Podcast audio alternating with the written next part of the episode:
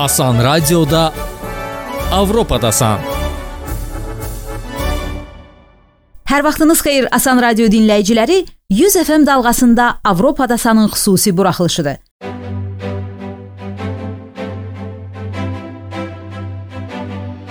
Mayın 9-u Azərbaycanda və bir sıra digər sabiq Sovet ölkələrində 2-ci Dünya müharibəsinin sonu və faşizm üzərində qələbə günü kimi qeyd edilir. Bu tarixi qələbədə Azərbaycan xalqının da misilsiz payı var. Ön cəbhədə 600 mindən çox azərbaycanlı oğul və qızının şücaəti və igidliyi, arxa cəbhədə isə 2-ci Dünya müharibəsinin qələbə oksigeninə çevrilən Bakı neftinin mədənlərində çalışanların rəşadəti. Avropada isə mayın 9-u həm də bu qələbənin gətirdiyi sülhün qorunmasını təmin edən Avropa qitəsinin inteqrasiya prosesi və onun təsisatları bayram edilir.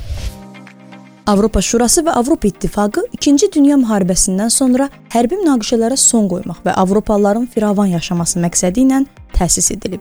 O zaman Avropa ölkələri qanlı qadalı 2-ci Dünya müharibəsindən sonra dağıntılar içində məhv olur, iqtisadi böhrandan əziyyət çəkirdilər. Yaranmış vəziyyət Avropa dövlətlərini bir araya gəlməyə məcbur etdi. Nəticədə Avropa liderləri gələcək faciələrin qarşısını almaq, sülh və sabitliyi təmin etməyin yolunu yalnız sıx əməkdaşlıqda gördülər. İlk dəfə inteqrasiya səsləyən Britaniyalı dövlət xadimi Winston Churchill idi.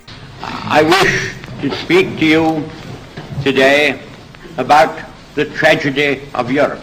O 1946-cı ildə İsveçrənin Sürix Universitetində Oyan Avropa adlı çıxışında Avropa dövlətlərinə müraciət edərək onları hətta Avropa Birləşmiş Ştatları yaratmağa səsləyirdi. Bu fəlsəfədən irəli gələn ilk addım olaraq 1949-cu ildə Avropa Şurası təsis edildi. Onun məqsədi insan hüquqları, demokratiya və qanun aliliyini müdafiə və təşviq etməkdir. Avropa Şurası qitə ölkələrini bir sıra sahələrdə minimum hüquqi standartları razılaşdırmaq üçün bir araya gətirir. Daha sonra isə bu ölkələrin öz üzərinə götürdükləri öhdəlikləri necə yerinə yetirməsini izləyir. Şuranın əsas sənədi üzv olan dövlətlər tərəfindən imzalanan Avropa İnsan Hüquqları Konvensiyasıdır. Konvensiya əsasında isə Avropa İnsan Hüquqları Məhkəməsi yaranıb. Məhkəmənin qərarları konvensiyanı imzalamış bütün iştirakçı dövlətlər tərəfindən onlara aid olduğu təqdirdə yerinə yetirilməlidir. Qeyd edək ki, Azərbaycan 2001-ci ildən etibarən Avropa Şurasının üzvüdür. Avropa Şurasının ümumilikdə 46 üzvü var.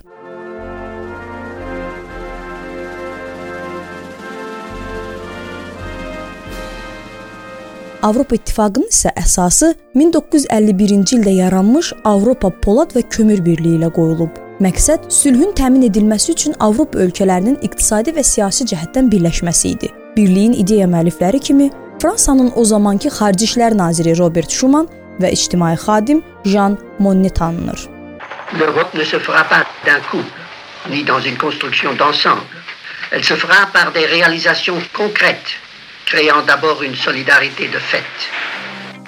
Avropa İttifaqına üzv olan 27 ölkə öz suverenliklərinin bir hissəsini ittifaqa təhvil verərək ortaq maraq kəsb edən məsələlərə dair qərarları Avropa səviyyəsində demokratik yolla qəbul edirlər. İttifaqın fəaliyyəti 4 əsas azadlıqların təmin edilməsinə yönəlib: malların, xidmətlərin, insanların və kapitalın sərbəst hərəkətinə. Bu günədək Avropa İttifaqı daxili sərhədləri olmayan vahid xarici gömrük tarifləri, vahid ticarət siyasəti, avro olaraq ortaq pul vahidi və digər vahid sistemləri olan məkanın yaradılmasına nail olub.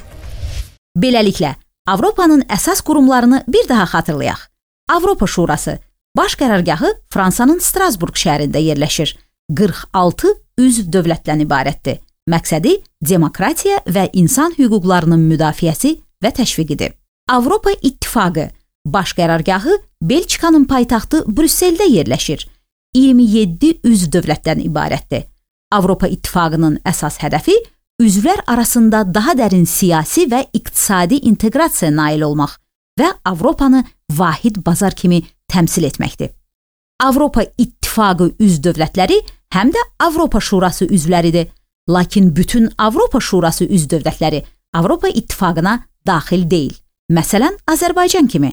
Azərbaycan Avropa Şurasının üzvü və Avropa İttifaqının tərəfdaşıdır. Avropadasan. Bu il mayın 9-u Avropa qitəsi inteqrasiya prosesinin başlanmasının 73 illiyini qeyd edir. Məhz bu gün 1950-ci ildə Fransa Xarici İşlər naziri Robert Schuman öz hökuməti adından bəyannamə irəli sürərək Fransa ilə Qərbi Almaniyanın kömür, dəmir filizi və metallurgiya sənayesinin birləşdirilməsini təklif etdi. Schuman öz çıxışında qeyd edirdi: Avropa xalqlarının birləşməsi Fransa və Almaniyanın əsirlik qarşıdurmasının ləğv edilməsini tələb edir. Sənayedə yaradılmış həmrəylik Fransa və Almaniya arasında istənilən müharibəni mümkünsüz edəcək. Beləliklə Şumun bəyannaməsi müharibədən sonrakı Avropada uzun müddətli sülhü təmin etmək üçün iddialı bir Avropa layihəsi irəli sürdü. O zamandan bəri mayın 9-u Avropa qitəsinin hər güşəsində ölkələr ümumi dəyərlər ətrafında birləşsə, münaqişələr aradan qaldırıla bilər ideyası xatırlanır və Avropanı birləşdirən təsisatlar bayram edilir. Bayramla əlaqədar Brüssel, Lüksemburq, Strasburqda yerləşən bütün Avropa təsisatlarının qapıları Avropa İttifaqı vətəndaşlarına tanışlıq ziyarətləri üçün açılır. Avropa günü münasibətilə İttifaqın Bakıdakı nümayəndəsi səfir Peter Mixalko Avropadasan proqramına müsahibəsində Azərbaycanla əməkdaşlığı da qiymətləndirir. The European Union and Azerbaijan Avropa İttifaqı ilə Azərbaycan arasında güclü tərəfdaşlıq əlaqələri qurulur. Bu özünü yüksək səviyyəli səfərlərin artan sayı, Avropa İttifaqı ilə Azərbaycan arasında hər tərəfli yeni saziş üzrə danışıqların irəliləməsi və Azərbaycanın xarici ticarətin yarıdan çoxunun məhz bizimlə qurulmasında bir üzə verir. Avropa İttifaqı həm də Azərbaycanda ən böyük bilavasitə xarici sərmayə mənbəyidir. Çünki üzv dövlətlərimizin çoxlu sayda şirkətləri burada mövcuddur. Ötən ilin iyul ayında Avropa Komissiyası prezidenti Ursula von der Leyenin Azərbaycana səfəri zamanı yeni enerji tərəfdaşlığının imzalanması, enerji sahəsində əməkdaşlıq razılığımızı da yeni səviyyəyə qaldırdı. Belə ki, Azərbaycan növbəti 5 il ərzində Avropaya qaz ixracını 2 dəfə artıracaq. Burada bərpa olunan enerji mənbələri sahəsində də potensial olduqca böyükdür. Bu istiqamətdə ilk əməkdaşlıq addımımız Qara dənizin dibi ilə Azərbaycanı Avropa İttifaqı ölkələri ilə birləşdirən elektrik kabelinin çəkilməsi haqqında sazişin imzalanması oldu. Azərbaycan həm də şərq tərəfdaşlığının fəal üzvüdür. Biz iqtisadiyyatın və cəmiyyətin inkişafına səbəb olan yaşıl və rəqəmsal keçid kimi mühüm layihələrin həyata keçirilməsinə ümid bəsləyirik. Avropa İttifaqının iqtisadi sərmayə planı Azərbaycan üçün 2 milyard avroya qədər əlavə investisiya cəlb edə bilər. Bu istiqamətdə fəaliyyət artıq başlayıb. Azərbaycanda 25 minə yaxın kiçik və orta sahibkar bu layihədən dəstək alır. Eləcə də Bakı Beynəlxalq Dəniz Ticarət Limanı Orta Dəhliz adlanan dayanıqlı nəqliyyat qovşağına çevrilir. Avropa komandası olaraq həm Avropa İttifaqı qurumları, həm də ona üzv dövlətlər kimi biz özümüzü Azərbaycanın, onun hakimiyyəti, vətəndaş cəmiyyəti və xalqı ilə birlikdə işləyən etibarlı tərəfdaşı kimi görürük. All of us are reliable partners of Azerbaijan, its authorities, the civil society and its people.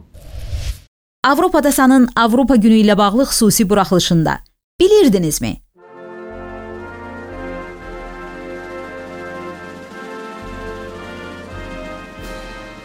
Avropa İttifaqının rəsmi dili hansıdır?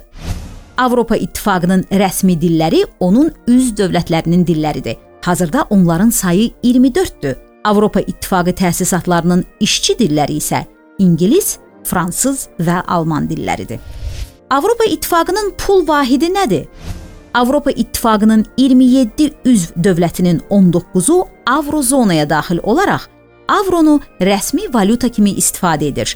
Qalan üzv dövlətlər hazırda öz milli valyutalarını istifadə edirlər, lakin gələcəkdə Avrozonaya daxil olma barədə öhdəlik götürüblər. Azərbaycan Avropa İttifaqının üzvüdürmü? Azərbaycan Avropa İttifaqının deyil, İttifaqın şərq tərəfdaşlığı təşəbbüsünün üzvüdür. Burdakı digər üzvlər Ukrayna, Moldova, Belarus, Gürcüstan və Ermənistandır. Avropa İttifaqının şüarı nədir? Avropa İttifaqının şüarı müxtəliflikdə birlikdir. Bu şüar Avropalılara fərqli mədəniyyət, ənənə və dillərə məxsus olsalar da, dəyərləri və məqsədlərində bir olduqlarını daim xatırladır. Siz də fərqli və müxtəlif Avropa barədə daha çox öyrənmək istəyirsinizsə, Avropadasanı daim bir dalğada izləyin. Asan Radio 100 FM-də. Hələlik. Asan Radioda Avropadasan.